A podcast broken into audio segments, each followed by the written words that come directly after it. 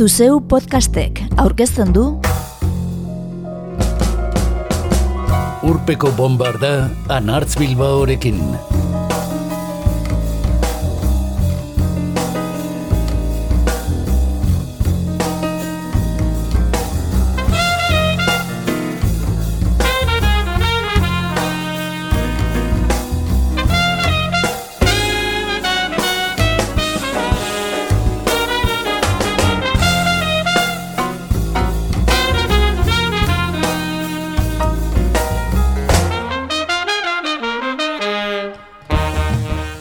Kantu sekretuak dakartzagu gaur urpeko bombardara. Ingelesez Hayden Track diturikoak. Sarritan taldeen diskoetan isilpean gordeak. Apropos eskutatutakoak edo akreditatu gabeak. Aipagai izango ditugun arrazoi ezberdinak direla medio.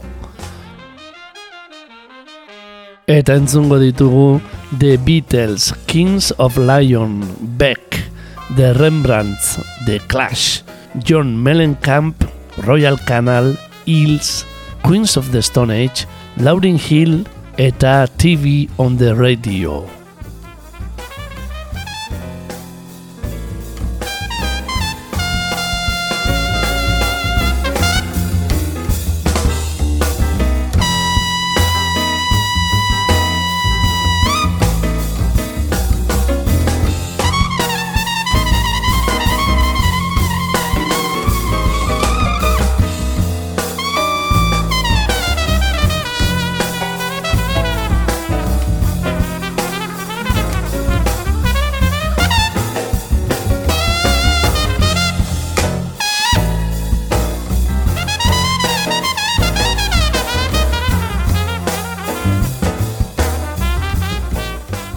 Her Majesty's a pretty nice girl, but she doesn't have a lot to say. Idatzi zion Paul McCartney erresuma batuko erregina zuten Isabel Bigarrenari. Mila bederatzerun deirogeita bederatzean. Urte horretan jaurti zuten Abbey Road lanean sartzekoa zuten minutu erdi eskaseko kantutxoa. Baina diskoaren giro orokorrarekin bat egiten etzuelakoan, atzera egin eta azken orduan kendu egin zuten kantu zerrendatik. Soinu teknikariak ordea, kantutxoa diskoaren bukaerara gehitu zuen. Segundo batzuetako isilunearen ostean argi geldi zedin, etzuela obrarekin zer ikusirik. Eta gainera, diskoetxeak etzuen kantaren berri eman, ez da kontrazaleko tracklistean ere. Horrela jaio omen zen, Diego Cuevasek Jot Down aldizkarian kontatzen duenez, eskutuko kantua kontzeptua. Majesty's a pretty nice girl, but she doesn't have a lot to say. Majesty's a pretty nice girl, but she changes from day to day. I wanna tell her that I love her a lot, but I gotta get a belly full of wine. Majesty's a pretty nice girl, someday I'm gonna make her mine, oh yeah, someday I'm gonna make her mine. The Beatles talde antzun berri dugu. Jatorrian iragarri gabe utzi zuen Her Majesty kantari. Abbey Road diskoko kantu eskutua. Jaiden trakak, zalei egindako keinuak ziren. Bilatzen sekienarentzako opariak, biniloen garaian sortu eta kompak diskekin bukatu zirenak. Orain dena baita klik eta klik musika entzuteko ere. MP iru eta Spotify. Kantuak eskutatzeko arrazoi ezberdinak zeuden. Baziren diskoko giro orokorretik aldentzen zirenak, Beatlesena bezalaxe baita eskubide kontuak tarteko zituztenak ere. Edo musikariek egindako txantxa edo bitxikeriak, beste musikari batzuei egindako bertzioak tarteko. Eta gai aparte, jakina, teknikoki ere modu ezberdinak zeuden kantu bat gorde edo eskutatzeko. Batzuk aipatuko ditugu aurrerago. Kings of Lion, Follow Will anaiek eta lenguzuak Tennessee eratutako taldeak, Ameriketako estatu batuetan, 2002ko Youth and Young Manhood diskoarekin egin zuen debuta. Eta Talihina Sky izeneko kesu malenkoniatzu bat eskutatu zuten diskoaren bukaeran. Gerora taldeari buruz egin den dokumental bat izendatzeko balio izan duena.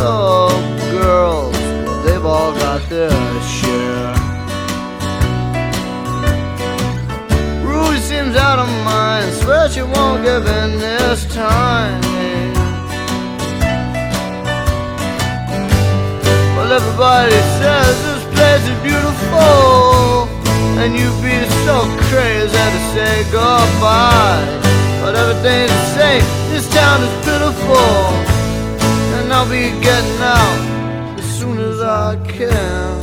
Right.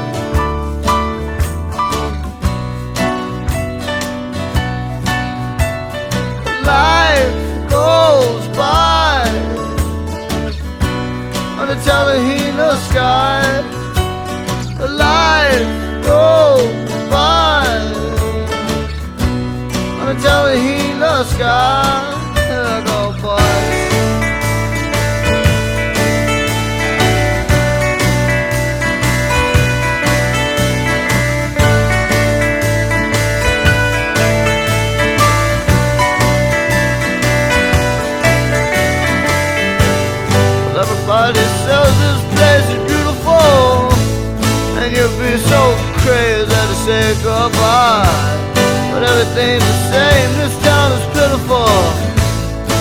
I'll be getting out as soon as I can. Fly.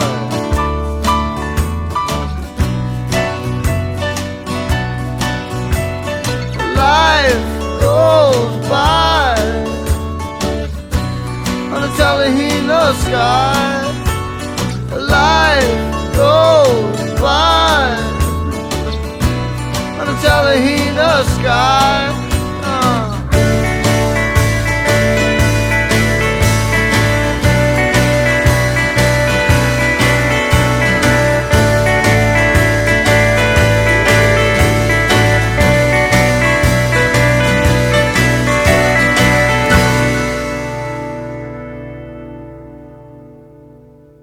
Compact disc estandarrek pregap izeneko pista bat zuten hasieran. Zero zenbaki bat, nola baita esateko. Play sakatuta entzuten etzena, ez bazenuen atzerako botoia sakatzen. Talde askorentzat, hain zuzen ere, ezina proposagoa zen pregap horixe kantuak eskutatzeko. Eta ala egin zuten ondoko hauek, batzuk baino ez aipatzearen. Rarest One Bowie bildumak David Bowienen irurogeita marreko iragarki bat eskutatu zuen pregapean. Too Many DJsek Killing Minoxen erremix bat. Pulpek bateriaren platerrak This is Hardcoren. Musek Tom Waitsek irakurritako olerki bat. Eta Public Enemik Mus Siken Aur Mes Eichen diskoak izango zituen kritikak aurreikusi zituen pregapean baina kantuak disko bukaeran eskutatzea izan da ohikoena. Aurretik isilune luze xamar bat baliatuta. Horrela egin zuen berbarako Beck Kaliforniarrak. Odelai maixulanarekin munduaren arreta deitzetik zetorren gizonak Mutations plazaratu zuen. Aurrekoarekin zerikusirik etzuena. Folrock doinuak bossa novarekin ustartzen baitzituen. Jeffen Records sigiluaren arridurarako. Azerrerako ez esatearen. Diskoak bukaeran 6 minutuko kantua zuen eskutatuta. Diamond Bollocks. Gau bakarrean sortzi kantu grabatu genituen azaldu zuen bek berak. Denak pista bakarrean nahaztu genituen gero. Eta eroxamarra izan zen emaitza. Badakizu, familiarekin bat egiten ez duen semea rebelderen bat baduzu, ospakizun bazkarian, mailaren bukaeran jezarrarazten duzu.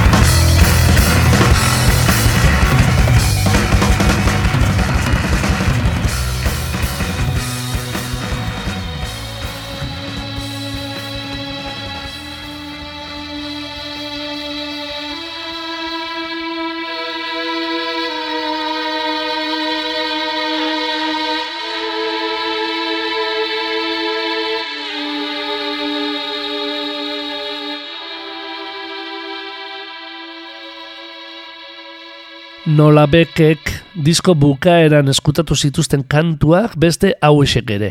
The Rolling Stonesek gabonetako kantu tetriko xamarra Der Satanic Majestic Requisten. Green Dayk kanpai jotzeari gorazarrea doki diskoan. Marilyn Mansonek kantu extra bat Antichrist Superstar diskoko larogeita garren pistan. Robbie Williamsek poema bat Life Through umetan popizarra izateko zuen ametzaz trufatu zen bati erantzunez. Placebok Brian Molko kantariak jaso zituen mehatxuak gehitu zizkion Evil Dildo eskutuko kantuari. Eta Alient Ant Farmek Michael Jacksonen jatorrizko Smooth Criminal kantuaren bertzio bat. Tumatxa. I'll be there for you berbarako The Remnants taldearen kanturik sonatuena da. Friends serieak sintonia izan zuelako. Telesailaren arrakasta koarkabean harrapatu zuen taldea, antza. Eta kantu azken unean gehitu zuten ez argitaratzea zuten diskora, etzen tracklistean agertu. Modu horretan, mundu guztiak ezagutzen zuen kantu sekretu bihurtu zen.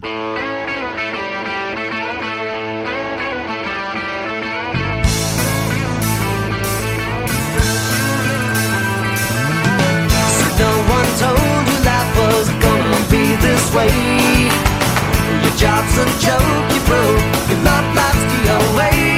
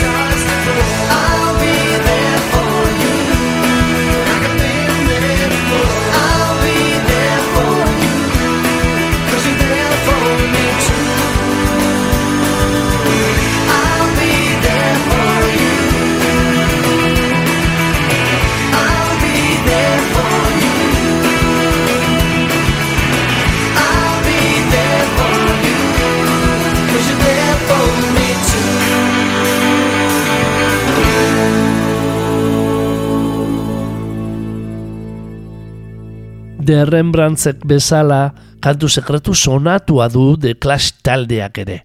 Train in Vain. Ala beharrez eskutatua. London Calling diskoko sesioak bukatzeko zituztela, aurreko gauean idatzi zuen Mike Jonesek Train in Vain, eta biharamunean grabatu zuen taldeak.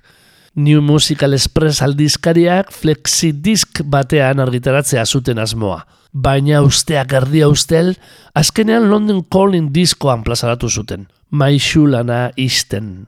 Ordurako azalak imprentan ziren, eta beraz, lehen edizioan ez da training beinen arrastorik kantu zerrendan. Ez da kantuaren hitzik ere barrukoen karte edo tartekoan. Handik gutxira, mila bederatzerun da laro single gisa plazaratu zen training bein Ameriketako estatu batuetan. Arrakasta handiz.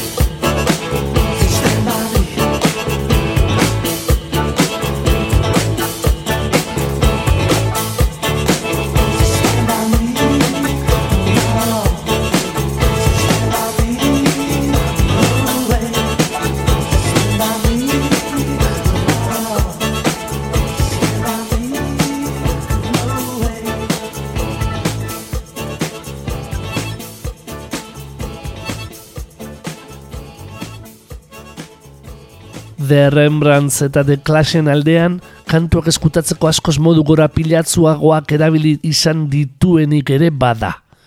Interesgarria da, berbarako Radiohead taldearen In Rainbow eta marrurte aurretik plazaratutako OK Computer diskoak elkarren osagarri direla dioen teoria. Edo Tool taldearen amar mila egun albumak gordetzen nahi duen enigma.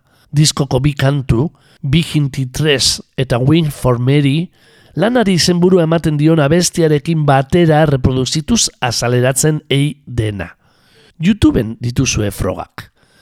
Hayden track klasikoagoetara bueltatuta, John Mellenkampen Let It All Hang Out entzungo dugu urrengo. Estatu batuarrak Big Daddy amargarren diskoa plazaratu zuen mila bederatzen da larogeita bederatzean. Eta diskoaren giro orokorrarekin bat egiten ez zuen kantua askotatu zuen bertan. The Hombres, garaje taldeari egindako bertzioa.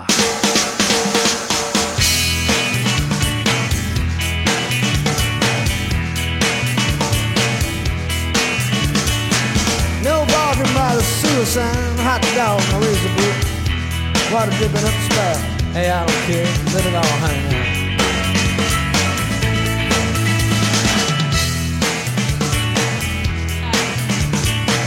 Hanging from a pine tree by my knees, sun shining through the shade. Nobody knows what it's it's all about. It's too much, man. Let it all hang out. Let it all hang out. Let it all hang out.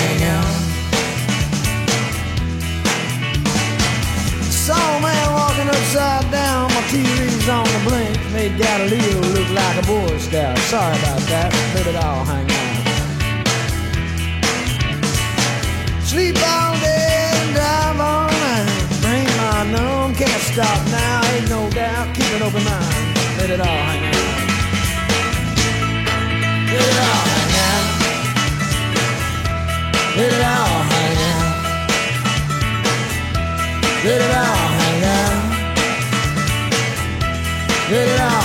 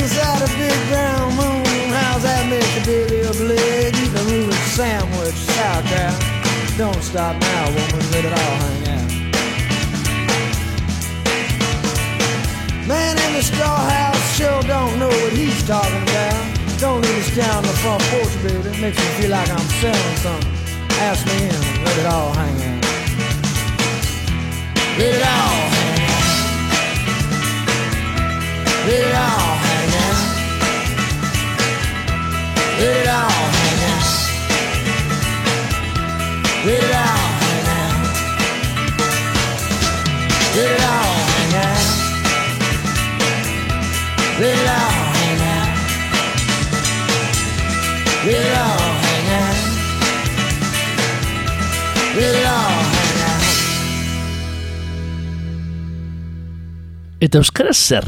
Izan ote da euskal musikan eskutatutako kanturik. Izango da bat baino gehiago ezagutzen ez ditugunen artean ere, akabo ba.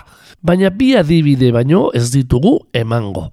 Bata euskaraz, naita nahi estaldearen basurdearen horrua diskoan eskutatutakoa. Irudimenaren horratzetik baladatxoa. Urpeko bombardaren eun eta garren saioan entzun genuena. Amodioaz mintzatu ginen hartan. Eta erderaz da bestea. Inigo Garcés musikari nafarrak osatu dituen egitasmoen artean dago Aka Cabezafuegok Royal Canal, Irlandar kutzuko kantua kondu zituena, nagusiki ingelesez. Eta 2006an Sail with Lord Alenbik izeneko disko ederra plazaratu zuena, noiz pop bizkaitar zigiluan. Bederatzi kantuko diskoak amargarren bat zuen eskutuan. Eskorbutoren maldito pais berrirakurtzen zuena. Ezin jakin zergatik eman zuten isilpean, diskoaren atmosfera orokorrarekin bat ez zetorrelako, ala kantuaren gaineko eskubideak tarteko.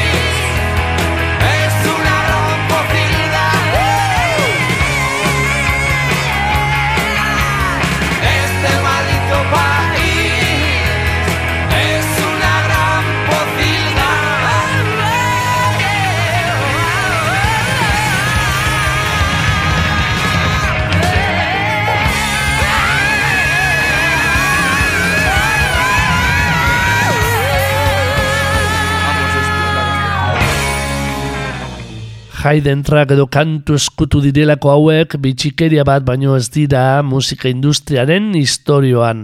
Baina beraien inguruan esan daitezken kontuak agortezinak dira. Arcade Fire Kanadar taldeak berbarako hamar minutuko collage bat gehitu zuen reflektor diskoaren pregapera. Zer eta diskoko kantuen txatales osatua, hauek atzekoz aurrera jarrita. Eta The Flaming Lips psikodelia taldeak beraldetik, Zairika izeneko album experimental bat plazaratu zuen mila bederatzerun da laro eta mazazpian. Lau CDs osatua, jendeak zerreta laurak batera martxan jar zitzan, edo hiru, edo bi, edo bakar bat, eskutuko kantuak guztiz agertarazteko. Arruntagoa da Mark Oliver Everett, aka hilzen eskutuko kantuaren historioa. Kontua da gizonak Mr. Is Beautiful Blues kantua argitaratu behar izan zuela Daisies for the Galaxy lanean. Gogoz kontra eta diskoetxeak derrigortuta. Gutxienez, kantu eskutu bezala plazaratu zuen.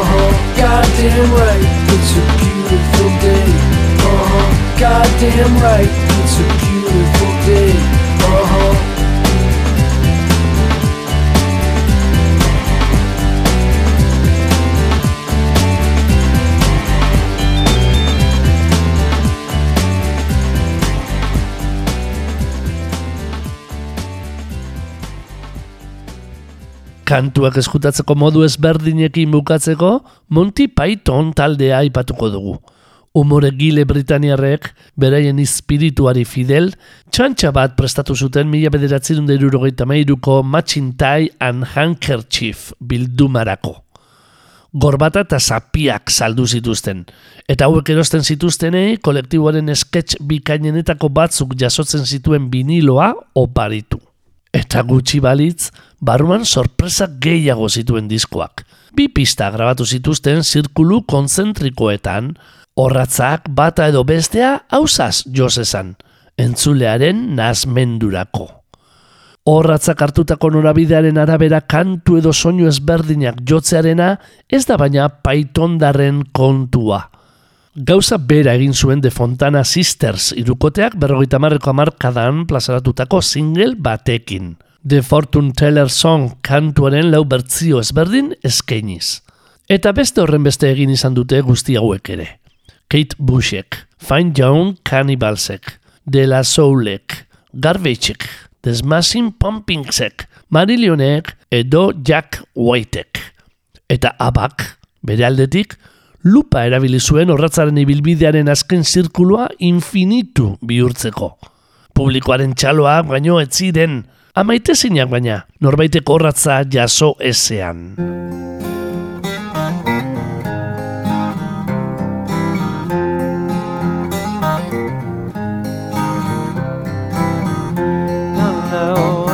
The sun is hot, mosquitoes come suck your blood and leave you there all alone, just skin and bone. When you walk among the trees, listen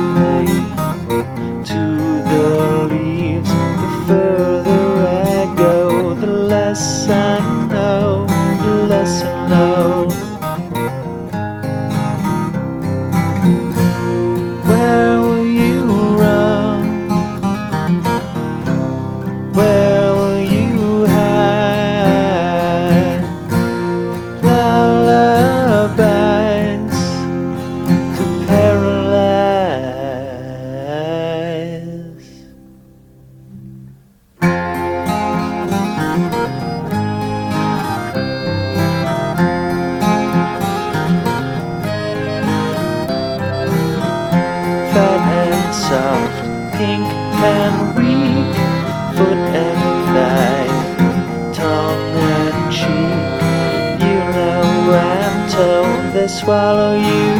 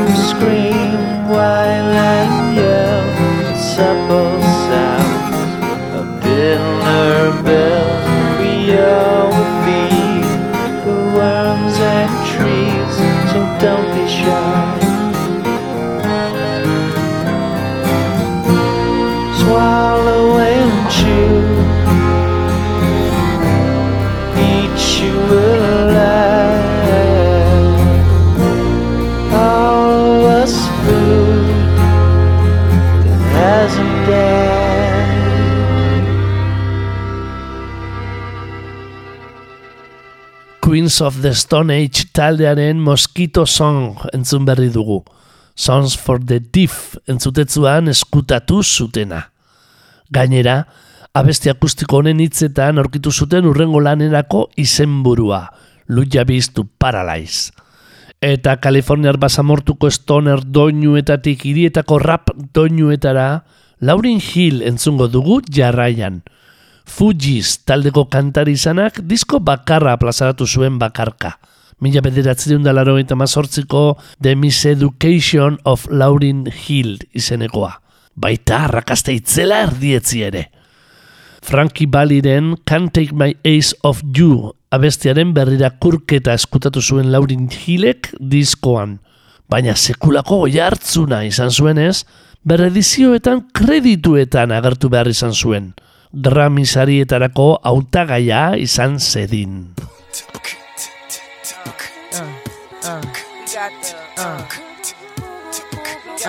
refugee camp, conspiracy theory, why? Yeah, why?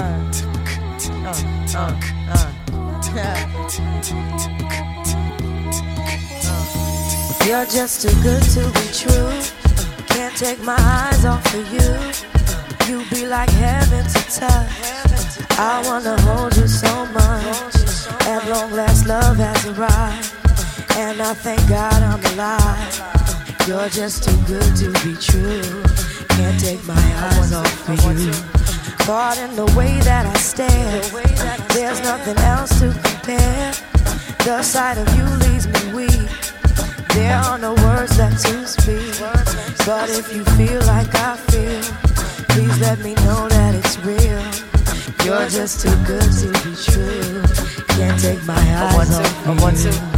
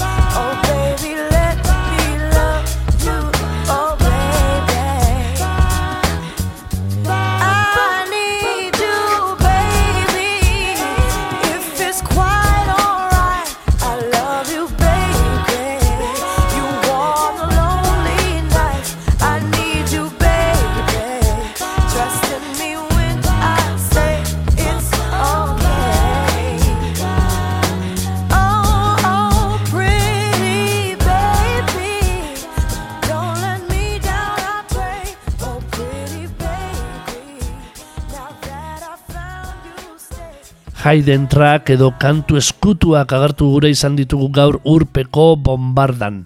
Kontzeptu argitu eta edo zein dela kauza, taldeek akreditatu izan nahi ez dituzten kantuak entzunez.